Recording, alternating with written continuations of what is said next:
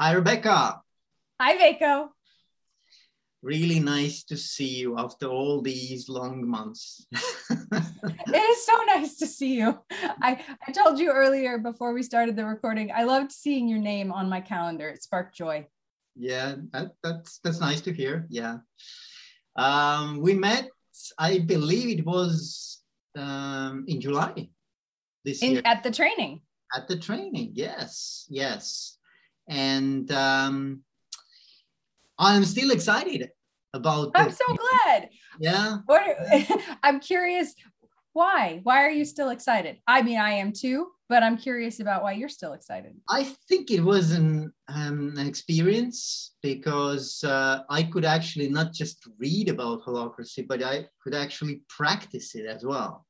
Yeah, yeah. We we put you into that fake company yeah. and you worked harder than anyone on those fake projects yes even though it was fake mm-hmm. you still get a pretty good idea a pretty good experience of what it would be like to actually work in a you know organization or a team uh, which would practice holacracy um, so uh, yeah and it was it was very you know unique experience you can theoretically be as you know knowledgeable or you know uh, have the ex- expert knowledge about uh, subject matter. But if you not, not are not really practicing it it's so difficult to actually understand what it means. Um, mm-hmm.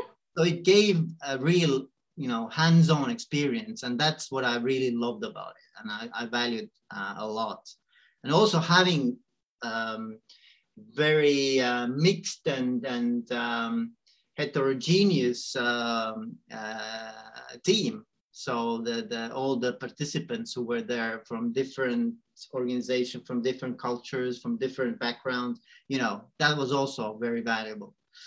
Yeah, so, and uh, different levels of practice. That's what I think is also really useful. Not everyone who comes to a training is is brand new. Some people have been practicing this this game, this thing for a while. Yeah. And I think having a diverse group of participants is hugely beneficial to everyone. Yeah. I, I find that the public trainings where we have people from all over the world seem to be richer than the ones we do for private companies where everybody already knows everyone. Yeah, yeah, yeah. So it's easier actually when you know the other person. Um, well, yes and no. If, I mean, you were there with a colleague, but imagine, and I experienced this pretty recently if you're not sure about holacracy or if anything of the experience surfaces something in you and your colleagues that is maybe unpleasant or uncomfortable in an event where you're with people that you don't know from all over the world that discomfort stops the moment the training ends. But if you do this with your colleagues and there's discomfort or recently i experienced a team getting a, a, chance to learn and try holacracy practice. And it surfaced a lot of personal stuff for them. And I really wanted to hold space for that. And after our short time together, they have to go back to their daily work with all that stuff now floating that that's floated to the surface and they can't push it back down anymore which is i think is a really good thing but it it leads to some discomfort and sometimes some distress Yes, yes, I can imagine. Yeah. So you have to actually somehow process it later on as well. Yeah. yeah and sometimes it's deep personal stuff that you're processing or deep interpersonal dynamics for people you may have worked with for years. Yeah, yeah, yeah, yeah. Well, that that just brought us very nicely to the topic of holacracy. oh, good. Uh, yeah, nice, very nice. Um, so I have so many questions that have popped up in my head during those months. Um, and I was just wondering, you know, how an experienced holacracy coach as you are and trainer, you know, what are what are your experiences um, around those topics? And one of those topics is, I guess the um, you know the biggest well i don't know you say to me the biggest transformation uh, when the organization is transforming or you know um, transitioning from uh-huh. uh, traditional hierarchy towards holacracy is for leaders like the former leaders former managers former uh, you know those people who were leading the teams yeah mm-hmm. And they have to reconsider their identity in a way you know who i am now. Like what, what is my role now? And, and how do i actually in this new environment in this new context holacracy how do i um, you know still feel myself valuable and uh, have enough uh, um, how you would say like still you know have the respect and have have the uh, status in a way you know more or yes less. status i love that you talk about not just the value but that status piece uh, because i think that also leads to the topic of ego and not ego as a bad thing or or inflated but the ego that protects us in the identity that we've created for ourselves. And often, those with explicit authority in hierarchical organizations, and I'm talking even the most woke, servant, wonderful, magnanimous leader, the, the one, think of, think of, if you can, an example of a boss you've had who just was everything you want in a boss. They were supportive and nurturing and and offered you op- opportunities for autonomy. Even those leaders, I'm not talking about the ones that are, you know, dictators, but even the most benevolent leader CEO has an identity as I'm a benevolent CEO. That is that is a, a, often an identity they've carved out for themselves and then just below that in the hierarchy are your staunch lieutenants, those, those deeply committed first lieutenants who serve the general and see themselves as the gatekeepers and the people who deploy the will of the general. We have these identities that we've crafted in our careers. And from an, egoic perspective, that identity is sometimes very protective.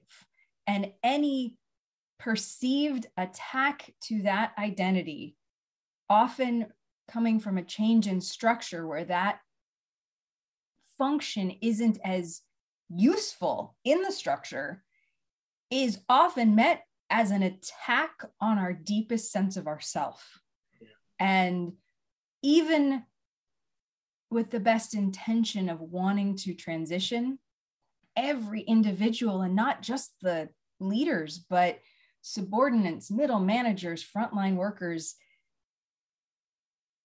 The confrontation to pieces of your identity that may not serve you in a new structure can be absolutely debilitating yeah, yeah. and so scary and and what i find more and more as a coach and a trainer and as someone continually researching this and looking at, at how individuals and systems work and the system's approach to holacracy practice, distributed authority, the more important I see the necessity to meet people exactly where they are and hold space for whenever they, as an individual, confront that piece of egoic identity self that isn't serving anymore and fracture. It's almost like the way I think of it is the metaphor of a mirror is at some point I've experienced I experienced this personally. At some point almost everyone I've met who transitions from a hierarchy to distributed authority at some point whatever mirror they're looking in whatever they see themselves as at some point that mirror cracks mm. and it's scary and the level of fracture varies by person. And you either need to get a new mirror or you have to i wish i remembered the japanese term for the art of correcting with gold you know they'll repair china with gold. Yeah yeah yeah. you have to create something new out of the mirror that has been fractured. And i think more than anything i find the best service i can offer as a holacracy coach and trainer is to hold space for the individual to do that for themselves and not try and do it for them and not try and push them to see and fracture that mirror until they're ready because yeah. that can be scary too yeah that's a, i think it's it's a really really important issue. Yeah. So um so do you can you share some experience that you have? Like like whatever you can uh, share. Uh, do you have any? of someone else's or of my own? Your own. Uh that sure be- yeah I, i'm much more com- i'd be more comfortable sharing my own because i know i have my permission. Um so i i was lucky. Most of my career in ngos nonprofit companies. I had really good bosses. I had passionate committed leaders and managers who wanted to, to support me. They there's this kind of idea of a good manager supports you promotes you up and out that they know that they're going to lose their best people to h- higher positions somewhere else. And i had three wonderful bosses who all recognized that the best way to get the best work out of me was to support the fact that I probably wasn't going to be there forever. But while I was there, I wanted to learn and grow and serve the organizations well. And particularly in nonprofit, it's already built in that you're serving a cause rather than shareholders. Your shareholders are the constituents you serve. In, in one case, it was a ballet company. In another case, it was a nonprofit that supported survivors of domestic violence and sexual assault. And everyone working there was so passionate about the work that it was easy to commit 110%. And I found myself continually in this place of that staunch lieutenant I mentioned a moment ago of I, kind of found myself in this niche of number two. If you watch Star Trek, I was the Will Riker. I, I'm an awesome Will Riker. and I could tell, I could just tell by the raise of an eyebrow or a slight nod of a head if my if my captain was happy, hmm. if I was if something was going well, or if my captain needed something. And then I just saw it as my purpose to remove that barrier, get that thing, do that work. And that's how I identified myself. As long as I've got a good captain, I'm awesome. I what I didn't realize and it wasn't until I was out of hierarchy and at Holacracy One, where I was living in holacracy practice, where I truly had autonomy. I had safety nets that I prior that I didn't have now because the other side of that little nod of a head to make sure things are going well or that raise of an eyebrow to know that something was needed was if I messed up I had a, safety net. I had someone, a human to catch me. And there's comfort in that. And even in the tiny things, not even if I messed up, but that consistent reinforcement that I was making the right decision. I didn't realize how much I relied on an external human to reinforce that my decisions that I was making were as correct as possible given the environment I was in.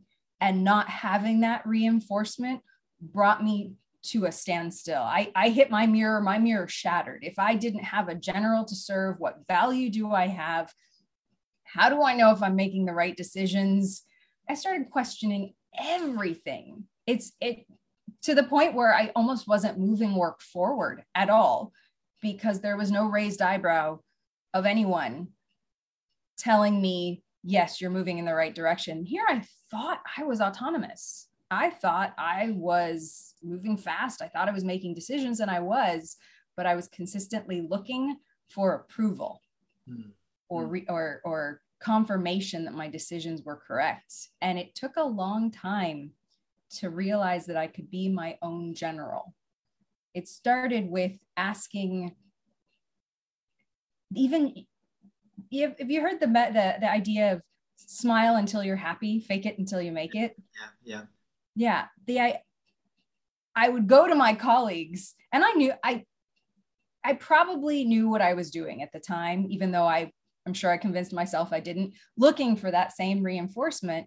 But at Holacracy One, you're not going to get someone confirming that you're doing the right thing. You're going to get a colleague saying, Oh, if that makes sense to you, sure, whatever because it's not their work, it's not their role. Hmm. And I really credit some of my early colleagues at Holacracy One with holding some space for me to be completely unsure and act anyway, to be anxious, to be nervous, and to sit in that feeling, but not let that feeling stop action. And I think that's where that's where growth happens. We all experience fear and concern and anxiousness and worry in all facets of our life. And all of those feelings are valid. And it's so important that we, I think, as humans, give each other space and grace to feel whatever we need to feel. The fun thing is, it doesn't necessarily have to stop action. Mm. I, I can only imagine, I think of soldiers. I'm sure soldiers are afraid, and that doesn't stop them from doing the work. Yeah. And performers, artists, they're nervous. I have a bachelor's degree in trombone. I performed and I, I mean, I was never going to be professional, but you, you have butterflies in your stomach before a performance, but that doesn't stop you from getting on stage and playing the music because you know you're surrounded by other talented musicians who are all playing their part and they're relying on you to play yours, not play theirs, and they're not going to play yours. But the way you make music is, is if everyone's making their decisions together. And uh, and on the other side of that, I can't imagine going back. Hmm. Yeah, that's. Uh, thank you for sharing your story. Um, yeah, that's uh, that. That brings up in me uh, again like uh, different feelings of um, that, that that the leader or the manager might feel like like they they might feel that um, mm, what is my career now? Like like they, they start a question you know uh, like like i used to be a specialist or you know the, the expert in some area. Uh, then i was promoted to be the you know the, the manager yeah. manager, right?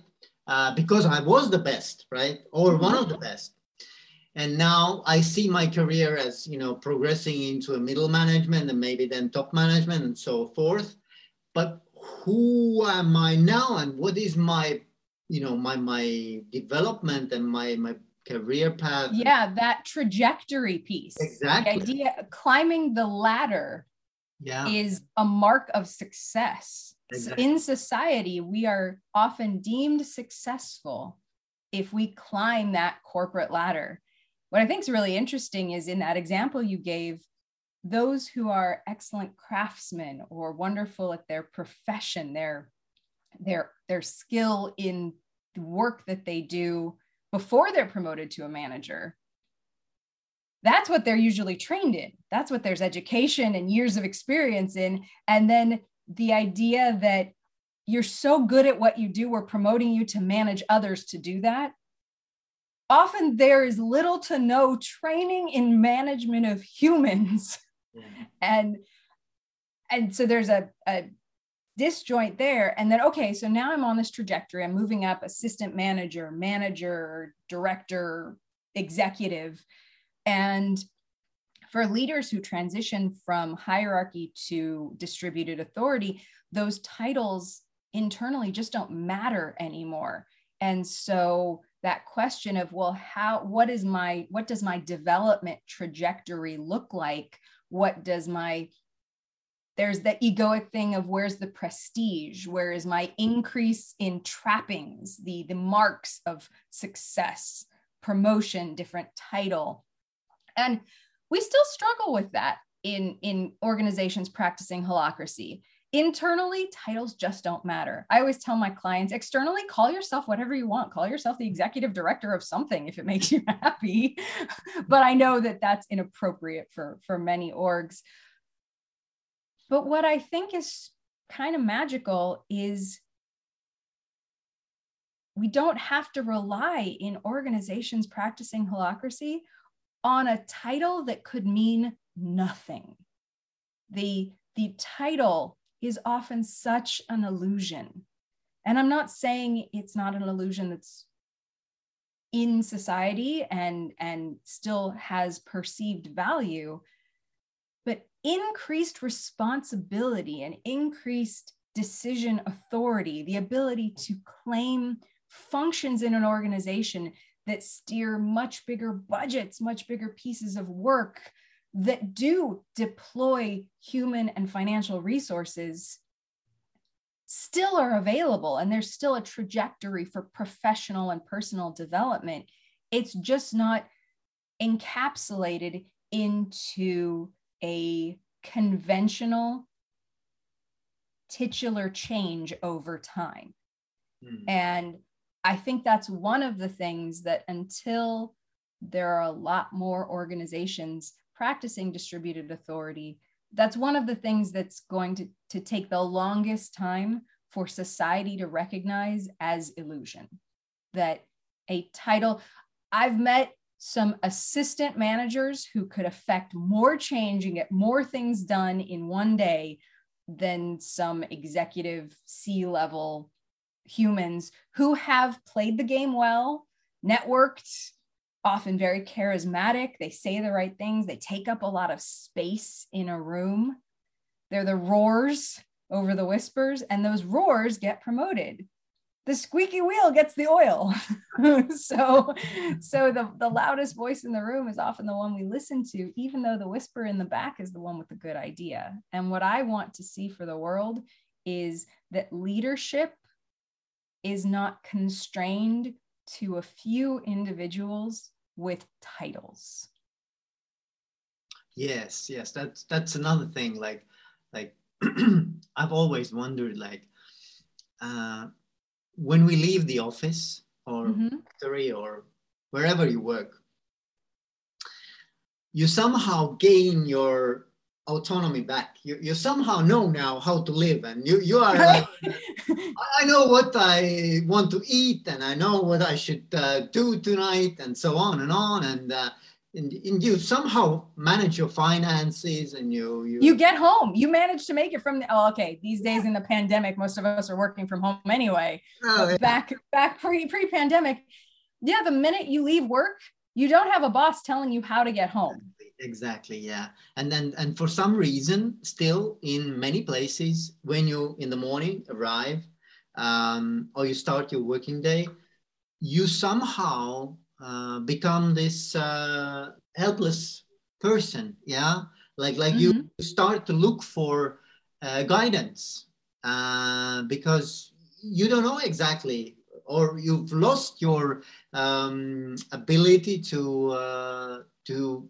think for yourself or do the decisions for yourself um, and you become like a child like you, you're now back in the parent child relationship in absolutely. And on the other side of that if you are one of the explicit power holders if you're the ceo or if you're on the executive or management team maybe you don't even have children. Maybe your children are grown and out living their lives. So at home you're just an adult doing your thing. You may be alone, you have a spouse, you take care of your life, you make your own decisions. You don't have to tell anybody what to do with their life. You're not going over to your neighbor's house and saying, "Here's what you're going to have for breakfast." You good? Everybody okay? Do you do you need me to tear down barriers so that you can cook your breakfast? You don't do that at home, but then you get to the office and now you've got often and we see this we see this made fun of in the media and in commercials is the boss the air quotes boss arrives at the office and there's this litany of people running after them. I need your decision on this. I need you to sign that. What do you want to do about da, da, da, da, And that's seen as somehow that you've made it. If if you are a bottleneck, if everyone's bothering you for making decisions that they are probably perfectly capable of making on their own, somehow now you are more worthy or you have higher value in a company where in reality you just want to turn to those people and say i didn't hire you so you could tell you could ask me what to do. I hired you so that you could decide what to do. Why are you asking me? You're the subject expert. It's almost comical. Yeah yeah that's and so stressful. That's interesting yeah. But but this is something that i think comes naturally with the hierarchy. It does it does. In holacracy what you need to um, what you need to uh, take as your belief or assumption is that every person has the answer for themselves. You know that that everyone um, has exactly the right amount of uh, you know knowledge and and uh, and ability to make choices and decisions for themselves in their own area. Or if they don't they have an ability to find that answer i think i think that last part i think that's where the crux of it is. I think the bar particularly with the a servant leader someone who sees themselves as the type of leader who tears down barriers on behalf of the team that they are leading. I think the bar is too high if the belief the necessary belief is that everyone has has everything they need within them to make decisions. I think that that bar is too high and often way too scary for uh, those in explicit power to want to let go of. But that last part you said of that there is there are ways to get needs met. And I think the bar is that every person is capable of identifying a need. We, and that's what we do, whether we're in work or not. We identify and process needs within our life. I'm hungry. Okay, I'm going to have something to eat. There was, that was not staffed out. There were no big, maybe you went into the kitchen, you did a little cooking. There were some actions taken, but what's less important is what you cooked for yourself. What's more important to me is the ability as a human to identify a need in the situation, either personally or in organizations. To identify that need, we need more clients if we are going to keep our company afloat. That does the, the solution to that need is not necessarily created in isolation or in a silo that's where you have a brain trust of colleagues and and people with years more experience than you do maybe to offer their expertise. But i think i think the, the crux of it is that rather than me thinking i know what you need. I'm going to tell you what you need and then i'm going to tell you how to solve it I am going to acknowledge instead, I may not know exactly what you need to get your work done. The only trust I'm going to have for the moment, I don't even need to trust that you're going to do a good job. The only trust I'm going to have is that you can surface a need. In holacracy, we call that a tension. So I, that you have the ability as a human to identify a tension in the work and then there are infinite ways to solve that tension using the tools and practices of the holacracy constitution. And if i don't trust your decision making i don't have to trust your decision making uh, like your judgment. Maybe i don't trust your judgment. By the way Veiko i totally trust your judgment. But let's say i didn't. I don't have to because i can use the structure to put constraints in place so that your options are varied or so that you have to integrate with others who do different work before you make a decision. But rather than telling you what you need, you figure out what you need, and then I'll use a system as a leader to do all the other stuff, to, to put safeguards in place or to drive work forward. And when I look at CEOs and executive team members transitioning from hierarchy to holacracy practice, where I see generally, and this is anecdotal, but pretty, I think, pretty universally accurate. Most of the frustration is not with the the rules of holacracy themselves or with the other humans they're working with. Often you've got colleagues who've worked together for years and they're incredibly cooperative the the learning piece is just how to take the new set of tools they've been used to playing one game with one set of tools and now they're playing a slightly different game with different tools but the outcomes they want are the same yeah. so using the tools to affect change without relying on sometimes the pathological behaviors of consensus driven or pressure or even bullying and in on the positive side that pressure to be the bottleneck to make the decisions to be that safety net those were the old tools. Now let's just, there's business needs. Let's use new tools to get those business needs met. And the frustration just comes as it comes learning any new game of how do you use this tool again? What are what are the new body positions or the new tools?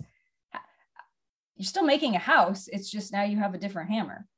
Yeah, yeah, yeah. And I was uh, I was thinking like, do do you do you feel that there is a certain type of person or human being or, or personality that fits better in holacracy? Oh, I can't put my finger. I for, well, my kind of stock answer is no because I think any personality type, any any type of person can thrive if they're interested in there if they're interested in thriving. If there's absolutely no interest in doing anything differently, that human's going to come up against a wall. Um, so humans who had curiosity that there you go. That's that's i think what i'm going to hang my hat on. It i don't think there's a type of person or a, a personality style or a type pattern. Looking at my own organization the typography model that we use there's there's all types. There's there's no one particular type that seems to be dominant in in holacracy one. But in general curiosity and willingness to play like willingness to come to the table i think that's that's true of any change because if nothing else the movement from hierarchy to holacracy practice is a collection of micro behaviors that require discipline. And the output of those micro behaviors are cultural and normative change throughout the organization. But if the individual is unwilling to engage, they're going to struggle in the new structure. They're not going to, they don't, there's a spot for them. That's, that's kind of the cool thing is not everyone in a transitioning organization has to be, I call it holocurious. They don't have to be. They might just be that kind of person who says, I do this job. I do accounts payable. I'm going to do accounts payable last month. I'm going to do accounts payable next month. And last month it was in hierarchy, and this month it's in holacracy Okay. If the person I still think of as my boss is now someone with a role who's accountable for describing what accounts need to be paid, I'll just do it that way. And and that's fine. But if there is active resistance without a paired curiosity or willingness to try, often those humans I find struggle the most. But it's not just with holacracy, they struggle learning anything new. These yeah. will be the same humans that still have a flip phone and or or maybe still have a TiVo because they're scared of the streaming service or oh they, they still go to all the stores they don't buy their stuff online mm-hmm. um, and i don't think it's a generational thing i don't i don't I, I do not believe it has anything to do with age or generation um, I think it has to do with mindset. Mm-hmm. Yeah, curiosity is a, is a very important uh, ingredient, I think. I think so. I think that I think curiosity in general just makes more interesting humans. I yeah. think on the day you stop being curious about something, and it's different for everybody, but the day you stop being curious and you don't want to know more about anything, I think that's a sad day. I think we as humans are are are naturally drawn to learn more and explore and be curious. And that's we lose that sometimes as adults. Children are so naturally amazingly beautifully curious about everything in the world. And the most interesting adults and leaders I know are the ones who maintain this almost childlike wonder and curiosity. And that's how innovation happens. Mm-hmm. Yeah. And I was thinking about growth mindset, you know, this Carol, yeah. you know. Yeah. I love that we now as adults have come up with this super cool buzz thing, growth mindset. Yeah. childlike curiosity. That the five year olds at the playground, they're the ones with the growth mindset. We lost it and we're trying to get it back as adults. so we had to give it a new name. Yeah, yeah, yeah, yeah. That's true. That's true. But but it kind of gives you an idea what, what absolutely what's it all about. Yeah. Um, and I, I think all these um, uh, latest also uh, the the you know the the discoveries in the psychology and and uh, uh, neuroscience. And, and, that all points to you know that we are constantly evolving constantly changing developing. Um, our brain is developing all the time. Mm-hmm. uh, and and i think it supports the growth mindset kind of you know the whole concept of it absolutely that we're consistently evolving as humans and as humans working together in organizations and co-leading leading together rather than leading each other. We're leading organizations together. I think where organizations thrive is when they embrace the collective growth and iteration of the humans that make up the organization. There's no way for an organization to innovate and evolve if the humans remain stagnant. And so that growth mindset, that curiosity, that desire for innovation and movement in organizations is a direct result of that sense within the people who bring that organization to life. Mm-hmm. Yes, and one one topic that also fascinates me is: Have you seen or experienced how does holacracy change the you know the dynamics of a team? Does this somehow also affect my cooperation or my my relationship with the the other team members. Um, totally. Oh my gosh, it totally does. Okay. so, in my experience, team dynamics post holocracy adoption, it, it, it, I almost find it polarizing is those people that used to use personal relationships. We used, they, they, they would leverage personal capital to affect work yeah. either find that they crash and burn and then have to reconstruct, or they find their personal relationships richer because if your boundaries are clear, if it is clear what you're accountable and what I'm accountable for, I don't have to use our friendship to get the work done, which means I can hold our human relationship that much more sacred because I don't need personal power over you to get work done and vice versa. We can be in power with each other and have a meaningful, wonderful friendship or relationship that does not need to be massaged to get work done.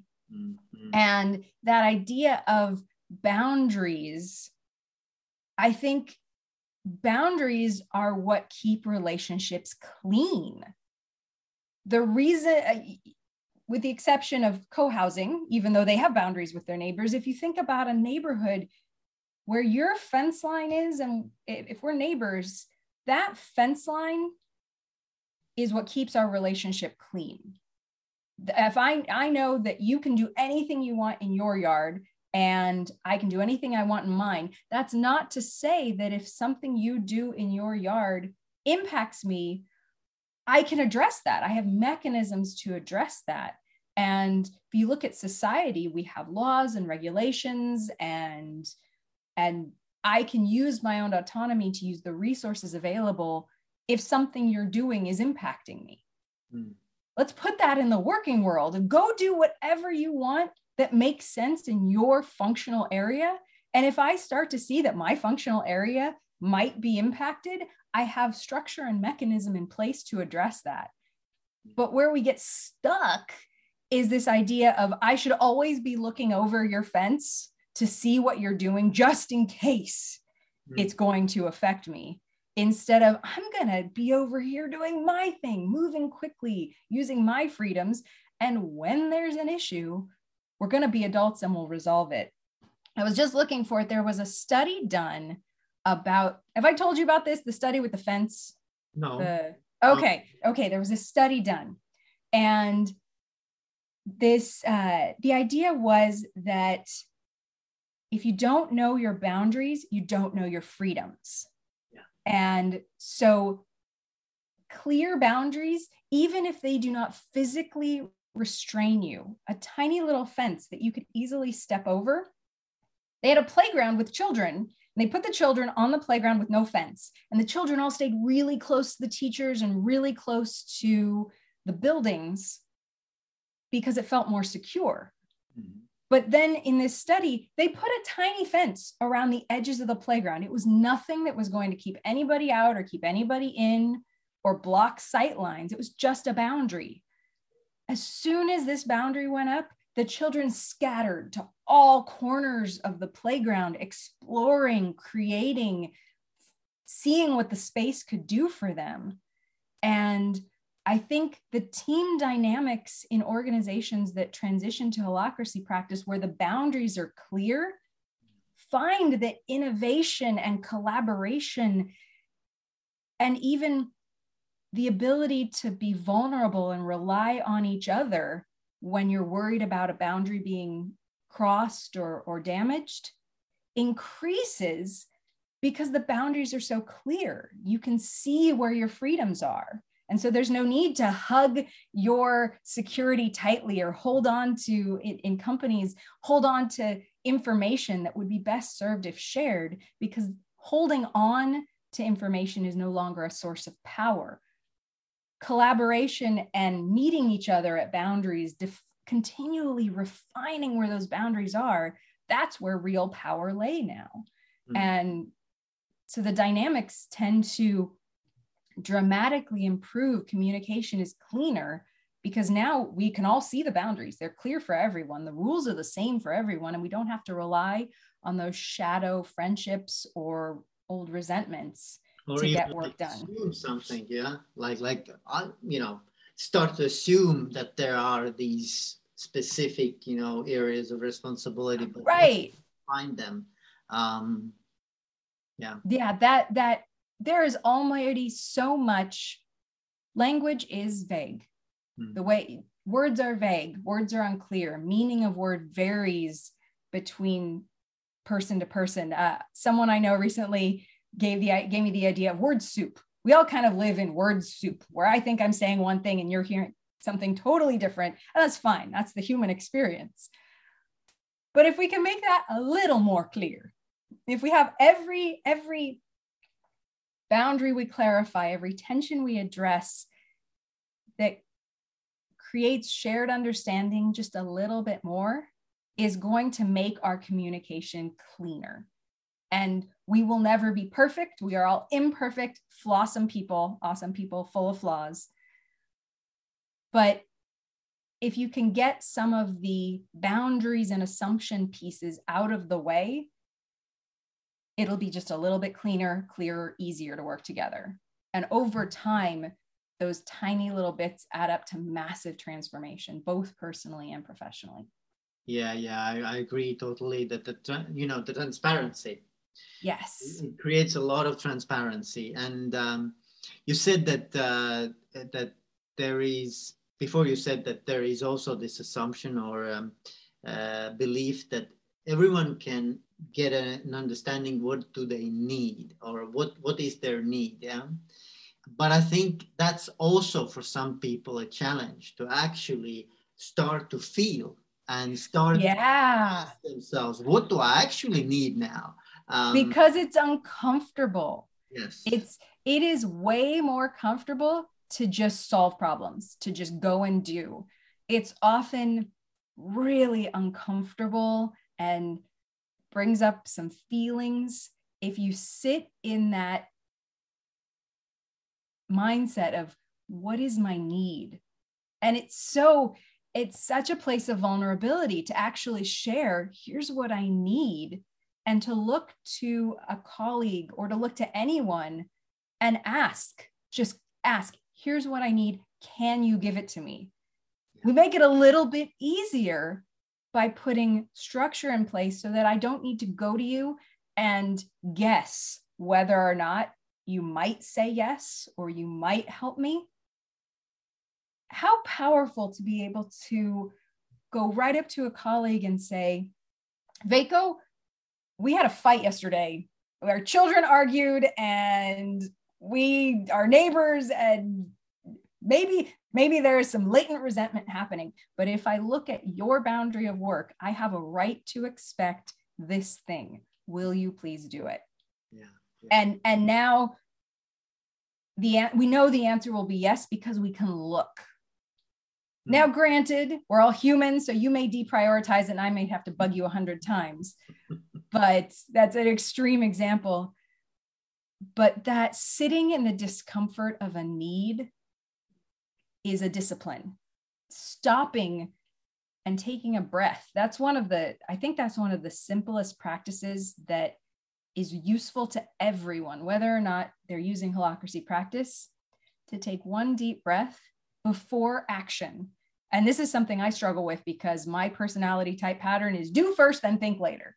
Hmm. But I find I am more successful generally if I stop and take a breath and ask myself, what's the outcome I'm looking for? What do I actually need?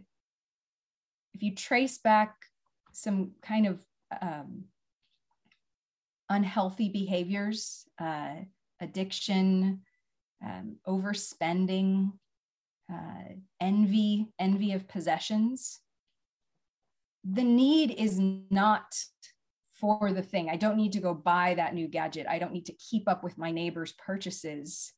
The need is often so deep. I need to feel worthy. Mm. I need I need love. I need support. And to acknowledge that need as a human, especially in a workplace, is vulnerable in a way that can be absolutely debilitating. And I think the discipline of identifying a need before you address it is generally useful and makes for cleaner interactions with others. Yeah, yeah.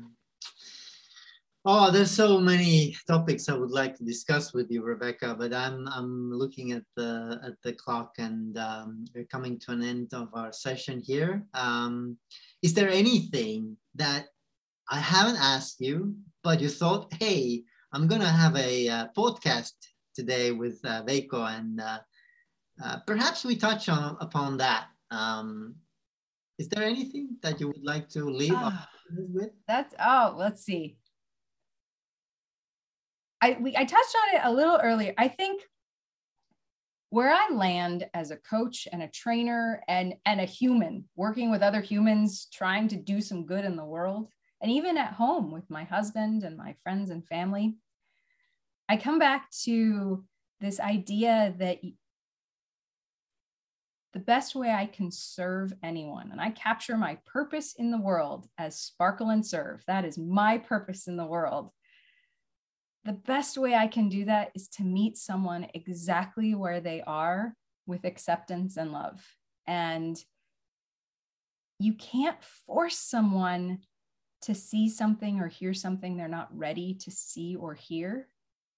But there's value in planting a seed for the future.